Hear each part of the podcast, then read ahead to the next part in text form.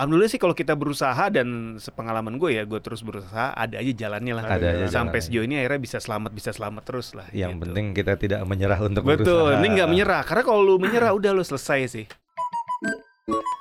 Kita bisa berkuasa asal Bijak. untuk hal yang asal bijak dan asal untuk hal yang menyangkut kebutuhan. Untuk mengubah kebiasaan itu perlu 20 hari dan menjadi benar-benar kebiasaan itu Hmm, perlu 90 hmm, hari ya. Udah hmm. kita terapkan aja dalam berarti 90 hari itu tiga bulan gitu kan. Mhm. Laba, lapaknya ibu-ibu Dan bapak-bapak.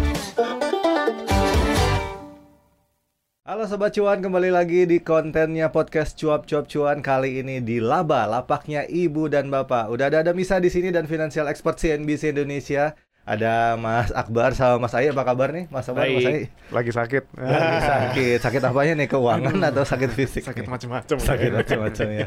Polusi, Oke. polusi. Oh Polusi. iya benar benar Polusi. polusi itu bahaya nih.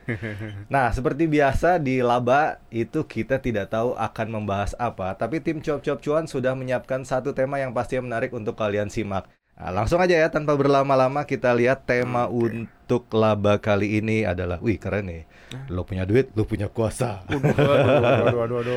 Pas banget nih lagi Oke. tahun politik nih. Nah, pertanyaan pertama, langsung aja dibuka. Emang iya ya kalau punya duit itu bakalan punya kuasa ya? Pertanyaannya seperti demikian. Kalau punya duit punya kuasa nggak sih kita? Nah, Oke. Kalau di Indonesia sepertinya sampai hari ini eh, masih ya gitu. Kenapa tuh? Karena ketika kita punya uang Ngeri-ngeri akan- sedap nih. uang itu sepertinya akan memudahkan eh, kita untuk mendapatkan banyak hal gitu kan Hmm, bahkan hmm. sampai ya sudah rahasia umum ya Ya. bahkan uang itu bisa eh, membeli kepercayaan dan suara orang Ngeri banget, Pak. Mulai suara-suara gitu, kita mau nyalek nih Mas Adam nih. Ya, kita lagi. jangan lupa coblos nah kalau menurut Mas Akbar gimana nih dari mungkin Iya. sisi financial expert seperti apa nih Uang itu kayak BBM, bahan bakar Bahan gitu. bakar. Uang uang lu banyak gitu ya, lu mau jalan-jalan keliling Indonesia, keliling Jakarta juga nggak masalah gitu ya. Yang permasalahannya kan kalau uangnya cuma sedikit nih pak. Betul. Jadi kayak gitu. Jadi mau mau ke mana ya serba-serba ngerem gitu. Ya itulah makanya ada yang namanya konsep financial freedom ya. Uang itu udah nggak jadi isu lah buat kita mau ngapa-ngapain aja. Gitu. Tuh, kalau ada uangnya udah tidak ada masalah ya ada masalah. gitu. Nah kalau Mas Akbar gimana nih mungkin nambah? Mas Ayi Eh, maksudnya. Sampai lupa namanya. Ya kan ada peribahasa ya. eh, uang tuh bukan segalanya gitu ya. Kirain Tapi segala-galanya butuh uang uang. gitu ya. Nah, itu peribahasa yang ambigu sebenarnya ya. Tapi ya mungkin itu ya untuk eh, hal-hal tertentu atau untuk Hmm. situasi-situasi tertentu memang uang ini punya power yang sedemikian kuat gitu ya. Mm-mm. Tapi ya nggak berarti semua dengan uang selesai juga sih Ya, gitu. Tuh, tapi, tapi ya masalahnya semua bisa selesai. semua bisa selesai. uang. Semua bisa selesai. Tapi emang ya harus kita akui uang itu vital sih. Uang gitu. itu vital ya, Kalau jadi- udah punya uang ya lu bisa punya power lah gitu. Walaupun mungkin kalau berkuasa ya debatable lah gitu. Tapi paling nggak lu punya power gitu ya. Seperti Mas Adam bilang tadi mungkin power membeli sesuatu, Betul. membeli suara, membeli apa gitu kita nggak tahu ya. Pokoknya kita yang Iya. buat beli-beli sekarang nilai apa namanya alat tukarnya adalah Alat tukarnya uang adalah ya. uang. Pernah nggak sih ngerasain nggak punya duit atau titik terendah kalian di keuangan seperti apa? Nah gantian nih, mungkin yang kayak ceritanya menarik nih dari Mas Akbar dulu nih. Iya pernah pak waktu dulu kan apa kayaknya udah pernah gue ceritain deh waktu dulu. Enggak waktu dulu emang emang badainya luar biasa ya. Jadi ada berhenti sebetulnya di cut sih kasarnya di cut gitu di cut terus habis itu uh, usaha juga gagal toko juga tutup gitu ya dan itu bener-bener waduh luar biasa deh pusingnya deh tanggungan ada ya ya orang tua ya Hmm. tuh waktu saat itu ya dan memang ya gue sendiri bingung gitu, sampai akhirnya ketemu titik terangnya di situ dan itu akhirnya wah bersyukur banget lah luar biasa lah di situ Udah Oh, bounce back berarti. ya. udah bounce back gitu walaupun kadang waduh akhirnya kena kena badai lagi gitu ya. cuman at least eh, nggak separah yang waktu dulu lah gitu ya. Udah ada pengalaman berarti ya. udah ada Jadi- pengalaman bos nah kalau kalau ente gimana nih bos Kalau gue sih sebenarnya eh, kita ngitungnya punya uang berarti dari eh, ketika kita menghasilkan uang sendiri kali ya ketika kita mm. bekerja. Berarti dari umur 23 tahun kerja sampai hari ini bahkan sebelum kerja yang di kantoran sempat ada sedikit lah buat habis lulus kuliah gitu kan. yang benar-benar nggak punya uang sih kayaknya eh, nggak terlalu apa ya benar-benar nol gitu nggak ada gitu kan hmm, ya. mungkin kalau penghasilannya dirasa kayak agak kurang ketika kebutuhan Ya. banyak itu eh, beberapa kali Ya. pernah gitu kan wah ternyata kita butuh ini butuh itu ternyata uangnya terbatas Hmm, gitu hmm, kan hmm, hmm, hmm. Nah itu sih masalahnya di situ. Akhirnya ya mau nggak mau eh detailnya itu perinciannya penggunaan. Oke yang ini kita cut dulu, ini kita kurangin Ya. kayak gitu. Paling kayak gitu ya Iya, strateginya. Nah, nah, kalau Mas Ai gimana nih? Benar, gue juga sih mirip-mirip ya. Hmm. Jadi yang nggak punya uang sama sekali dalam arti nol gitu ya, Iya. itu sih enggak ya. Tapi punya uang sedikit, kebutuhannya banyak, ya itu Iya. gue sering lah mengalami posisi seperti itu ya. Ya terakhir mungkin yang waktu ketika anak gue mau lahir gitu, yang pertama gitu kan, uang cuma Wah, sedikit, kebutuhannya banyak tuh. kebutuhannya banyak gitu kan, belum Kaget lagi gitu yang lain-lain gitu kan sakit, beli baju anak, sakit, popor. waduh itu pusingnya minta Iya, ampun iya, sih iya, ya. Tapi ya tetap ya so must go on kan ya. So tetap kita harus berusaha semaksimal yang kita bisa ya. Akhirnya sih ketemu jalan juga gitu. Tapi ya itu ya eh, tetap ada posisi di mana eh, di diri gue juga ya kebutuhannya memang besar, eh, uangnya Iya, iya. sedikit mungkin bisa bukan dibilang nggak ada ya, tapi sedikit Hmm, banget lah iya. gitu. Nah ini jadi Porsi momen-momen yang mungkin pada beberapa momen di seimbang. hidup Tidak gue tuh ada Hmm. lah yang seperti itu gitu. Tapi ya gue tetap berusaha aja dan alhamdulillah sih kalau kita berusaha dan sepengalaman gue ya gue terus berusaha ada aja jalannya lah. Ada aja Sampai sejauh ini akhirnya bisa selamat bisa selamat terus lah. Yang gitu. penting kita tidak menyerah untuk Betul, berusaha. ini nggak menyerah karena kalau lu menyerah udah lu selesai sih. Menyerah dan menyalahkan situasi. Iya, menyalahkan situasi udah percuma Segila gitu. itu. Seberapa besar kuasa kamu terhadap uang yang kamu hasilkan? Wah, ini pertanyaan yang menjebak nih.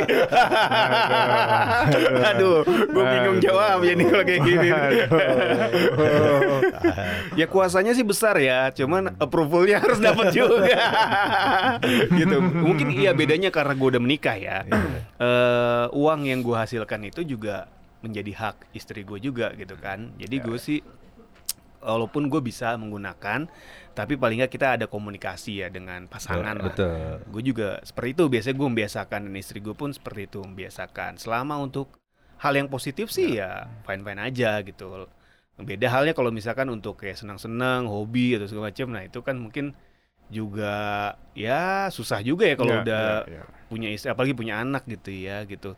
Kalau soal kuasa sih ya tetap ada kuasanya tapi ya dinamis lah gitu ya bisa dibilang harus seizin dikomunikasikan. ya, fleksibel seizin eh, pasangan lah kalau udah menikah kalau gue pribadi gitu lu gimana Bar? Nah, kalau gue sih sebetulnya masih ya masih ada lah apa Mm-mm. kuasa walaupun emang eh, ada ada bagian yang memang kita bagi. gitu Mm-mm. di situ. Cuman balik lagi kalau memang gue terlalu apa namanya eh, terlalu mengedepankan apa yang gue inginkan gitu, ujung-ujungnya malah masalah sendiri nanti ke Iya depannya. betul. Jadi memang eh, apa ya? Memang nggak bisa ego juga nggak ya. bisa ego Nggak juga bisa, nggak bisa bisa. nggak bisa setelah ini tuh aduh nggak bisa lo kayak gitu Hmm. lama-lama lo yang pusing sendiri oke deh hari ini lu lu lu beli sesuatu gitu ya lu pengen melakukan ini gitu kan Hmm.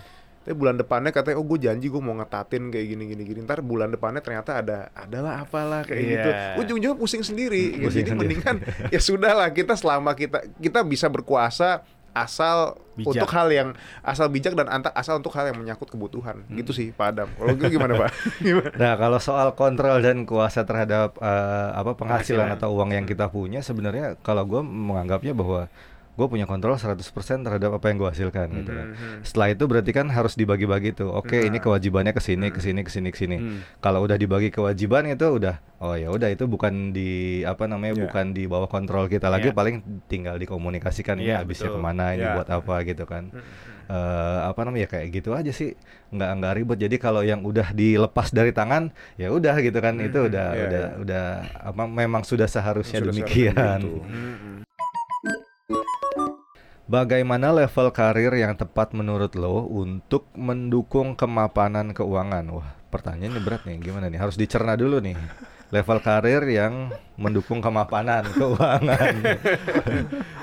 Kalau buat orang-orang tertentu mungkin level karir kayak apa namanya menjadi PNS misalnya Hmm. itu di Indonesia kan adalah level karir yang mungkin kuasanya paling tinggi gitu kan Iya, udah iya. jadi PNS udah aman deh tuh tinggal hidup hidup Hmm. eh, berdasarkan gaji eh, naik pangkat naik tingkat naik gaji sampai pensiun pensiun dapat dapat uang pensiun gitu kan Hmm. udah aman terkendali mungkin sampai meninggal bahkan masih ada uang pensiun buat kalau yang apa namanya buat yang ditinggalkan masih ada tuh setengah atau berapa persen Iya. gitu kan kalau buat gue sih sekarang kalau level karir yang untuk mencapai kemapanan sebenarnya selain punya pekerjaan eh, kalau kita levelnya karyawan mungkin pu- punya pekerjaan yang settle sebagai karyawan eh, minimal punya satu side hustle, eh, satu side hustle lah gitu kan.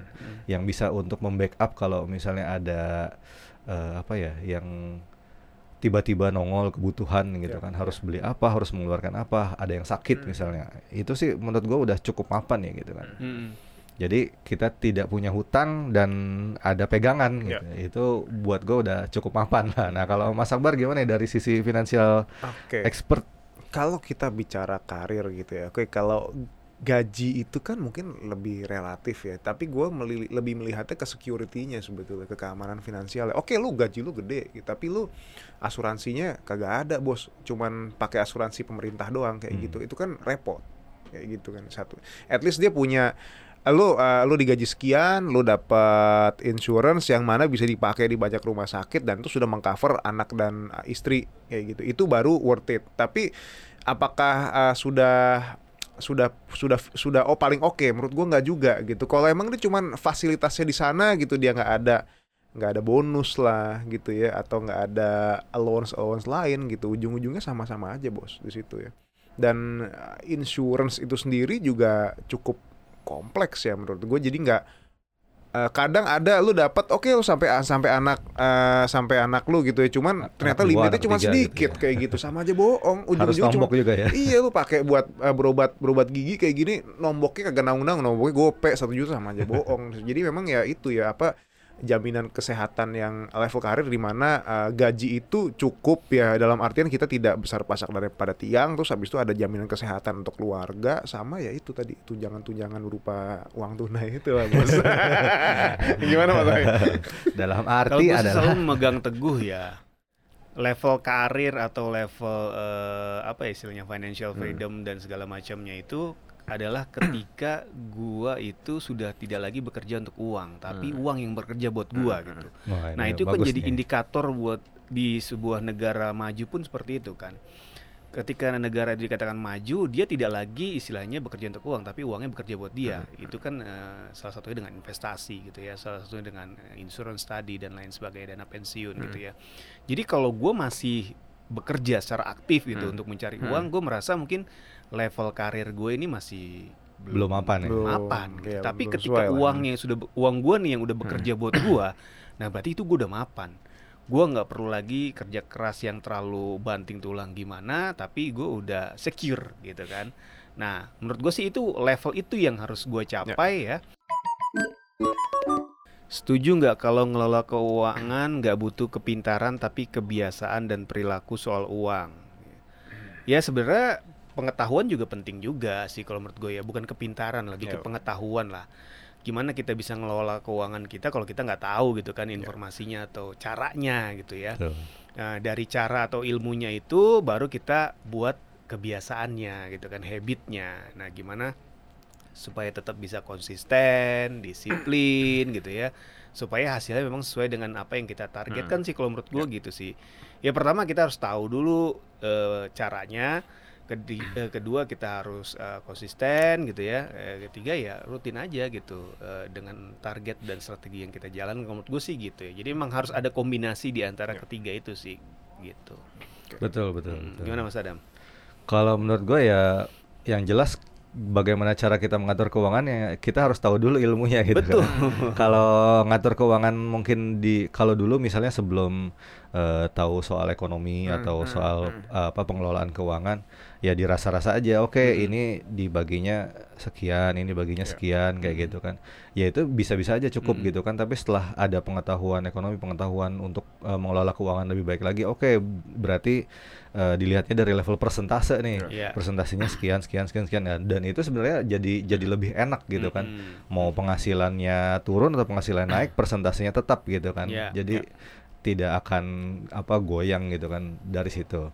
Eh, terus yang kedua kalau memang untuk ini jadi kebiasaan ada ada yang bilang kalau nggak salah gue pernah baca untuk mengubah kebiasaan itu perlu 20 hari dan menjadi benar-benar kebiasaan itu perlu 90 hari. Ya udah kita terapkan aja dalam berarti ti- 90 hari itu tiga bulan gitu kan. Dalam tiga bulan itu kita harus konsisten tuh dengan apa yang udah kita apa misal kita tulis kita catat gitu kan. Kita anggarkan gitu kan per pembagian porsinya. Nah di situ sih dari situ gue juga dulu mulai oke yang ini ke sini ini ke sini ini ke sini gitu kan. Sisanya gue pakai gitu kan jadi yang kita pakai adalah yang terakhir kita pegang gitu kan Eh, setelah selesai kewajiban investasi atau Iya, nabung gitu iya, kan baru betul. kita pakai oke yang ini kita habisin aja nih aman gitu kan karena pos-pos yang lain udah keisi gitu kan Iya, iya. nah kalau Mas Akbar gimana nih Sebetulnya kepintarannya lebih kepada kepintaran ya otomatis bela ya belajar tuh pen- penting lah, dasarnya penting. Alah, Terus bisa kedua- karena biasa gitu bisa karena bia- biasa. Cuman kepintarannya itu yang disebut yang mungkin harus ditekankan lagi kepintaran untuk mengetahui kondisi kita sa- saat ini sendiri gitu ya. Karena bagaimanapun juga yang nanti menentukan keberhasilan ada karena karena lu paham sama diri lu sendiri gitu. Bukan karena rumusnya mungkin ada lim, rumus 50 30 20, 20. kata orangnya ternyata sama lu kagak kagak works kayak gitu percuma kayak gitu. Mungkin lu harusnya pay yourself first dulu lah kayak gitu buat ini. Jadi intinya lu dengan memahami diri sendiri personal finance ya bisa works lah di situ ya menurut gue jadi ntar sehingga menjalani waktu kebiasaan dirubah dan akhirnya ya itulah yang mengantarkan kalian jadi sukses punya Gitu. polanya sendiri masing-masing Hmm, ya belum tentu pola yang sama di Mas Akbar Iya. atau di Mas Ai berlaku Iya, di berlaku gue di- gitu ya. betul. atau sebaliknya gitu ya. Kita setuju kalau mempertahankan kekayaan itu lebih sulit daripada memperolehnya. Ya. Nah, gimana cara kamu mengelola atau mempertahankan kekayaan yang sudah dimiliki sekarang? Wah, kalau gua nggak punya banyak saran nih. semua orang punya bos semua orang. saran gue cuma satu sih paling. eh investasi ternyata berkembang uangnya. Udah itu doang sih. Yang penting kita tahu aja produk apa yang mau eh, kita gunakan gitu kan. Yang kita nyaman gitu kan. Pas kita lihat di beberapa waktu tertentu, oh ini meningkat ternyata. Enak nih ngelihatnya gitu kan. Hmm, hmm. Ada orang yang lihat misalnya di saham gitu kan ketika lagi turun, aduh turun nih Iya. gimana investasinya nih gitu kan. Nah, kalau gua ngambil ada beberapa yang lebih safe lah ke reksadana misalnya. Itu tiap bulan naruh naruh naruh wah ternyata berkembang. Itu sih menurut gua udah cukup aman sih gitu kan. Iya. Nah, mungkin dari yang lebih expert seperti apa nih? Mas Ai dulu mungkin ya. Oh, iya, oke. Gimana? Kalau menurut gua gua nggak terlalu setuju dengan peribahasa memperoleh kekayaan atau uang itu lebih gampang dibanding mempertahankan. Kalau menurut gua dua-duanya susah sih, sama susah susahnya ya. lah, gitu ya. Karena banyak juga orang bilang ya di luaran sana gitu, nyari duit sekarang susah. Kan ada Iya. selalu bilang gitu Ada, kan, ada, nyari duit sekarang susah. Jadi kalau ada orang bilang nyari duit lebih gampang daripada mempertahankan duit, nggak juga sih kalau menurut gue ya, gitu. Sama susahnya dan ada tantangannya masing-masing gitu. Mendapatkan uang sama mengelola uang Mengelola gitu kan. uang. Itu ada tantangannya masing-masing menurut gua. Nah, yang paling penting adalah kita tahu gitu. Bagaimana kita mencari sumber uang gitu ya. Lalu Betul. bagaimana kita mengelola uang itu. Karena kan kita udah dapetinnya susah, ya kelolanya harus lebih bagus lah. Jangan sampai dapatnya sebentar langsung habis gitu Betul. kan. Nah, menurut gue itu makanya pentingnya ilmu perencanaan keuangan ya. Ketika kita sudah bisa mencari sumber uang gitu ya, ya bagaimana caranya kita bisa memaksimalkan penghasilan kita, tapi juga kita bisa kelola supaya kekayaan kita tuh bertambah eh, besar lah gitu setiap waktu sampai nanti pada endingnya ya itu tadi kita udah bisa lagi eh, hidup dengan nyaman yang mungkin banyak orang bilang financial freedom financial gitu ya. freedom, Jadi ya. memang sudah uang yang bekerja buat kita bukan lagi kita kerja keras untuk mencari uang gitu. Jadi menurut gue gitu sih. Jadi gue nggak terlalu setuju ada peribahasa yang mengatakan mencari uang lebih gampang dibanding mempertahankannya. Jadi sama susahnya, cuma tantangannya beda Hmm, aja tantangannya menurut beda. gue gitu sih. gitu. Ya, gimana Mas Itu. Akbar nih? Oke, jadi selain mempertahankan dan apa eh, mencari uang, ada satu hal lagi kalau boleh gue tambahin yang tantangannya juga beda. Menjaga kelangsungan pendapatan tuh tetap ada. Sustainability. Sustainability. di situ. Itu eh, menurut gua suatu hal yang tantangannya mungkin beda lagi, tapi lu harus bisa juga karena mau gimana juga sekarang kalau misalnya kita bisa pertahankan tapi segitu-gitu aja nanti eh, at- eh, nanti sehingga menjalani waktu kita sendiri yang pusing. At some gitu. point kita merasa At some kekurangan point juga kita ya. kan merasa kekurangan terus abis itu eh kalau misalnya kita mau jump in gitu ya kita mau eh, tip- ternyata ada ada masalah ada badai gitu ya dan ternyata susah kita nyari kerja karena kita mentok di situ aja itu juga jadi masalah jadi sebetulnya kalau bisa ditambah satu lagi itu juga harus eh, jadi perhatian sih. Jadi tidak hanya mencari, habis itu eh, menjaga kekayaan, tapi juga mempertahankan agar income itu tetap ada, Tetap dan ada bisa ya. berkembang dan bisa menambah. kekayaan sama kayak orang kalau udah punya gaya hidup tertentu misalnya di A gitu kan ya udah berarti eh, sumber keuangannya pendapatannya harus bisa sampai memenuhi di A jangan sampai kita Jangan mengurangi gitu kan iya. untuk orang-orang level tertentu mungkin kalau udah di sini ya pokoknya gua harus bisa di sini gimana caranya harus tetap di sini dan bahkan mungkin lebih tinggi, Lebih tinggi lagi, lagi, gitu gitu. nah itulah yang bikin kita nanti sampai pada akhirnya di level financial freedom gitu. Yes. jadi Freedom. intinya kalau lu punya duit ya nanti akan punya kuasa juga Oke itu dia tadi konten laba kita kali ini mudah-mudahan eh, bisa diperhatikan terus juga mungkin kalau memang ada yang cocok bisa diikutin kali caranya Iya, gitu ya. betul. Nah jangan lupa saksikan kontennya cuap-cuap cuan di YouTube jangan lupa like, di komen dan di share juga. Follow juga akun Instagram kita di cuap underscore cuan. Nah bapak-bapak pamit, bye. Bye.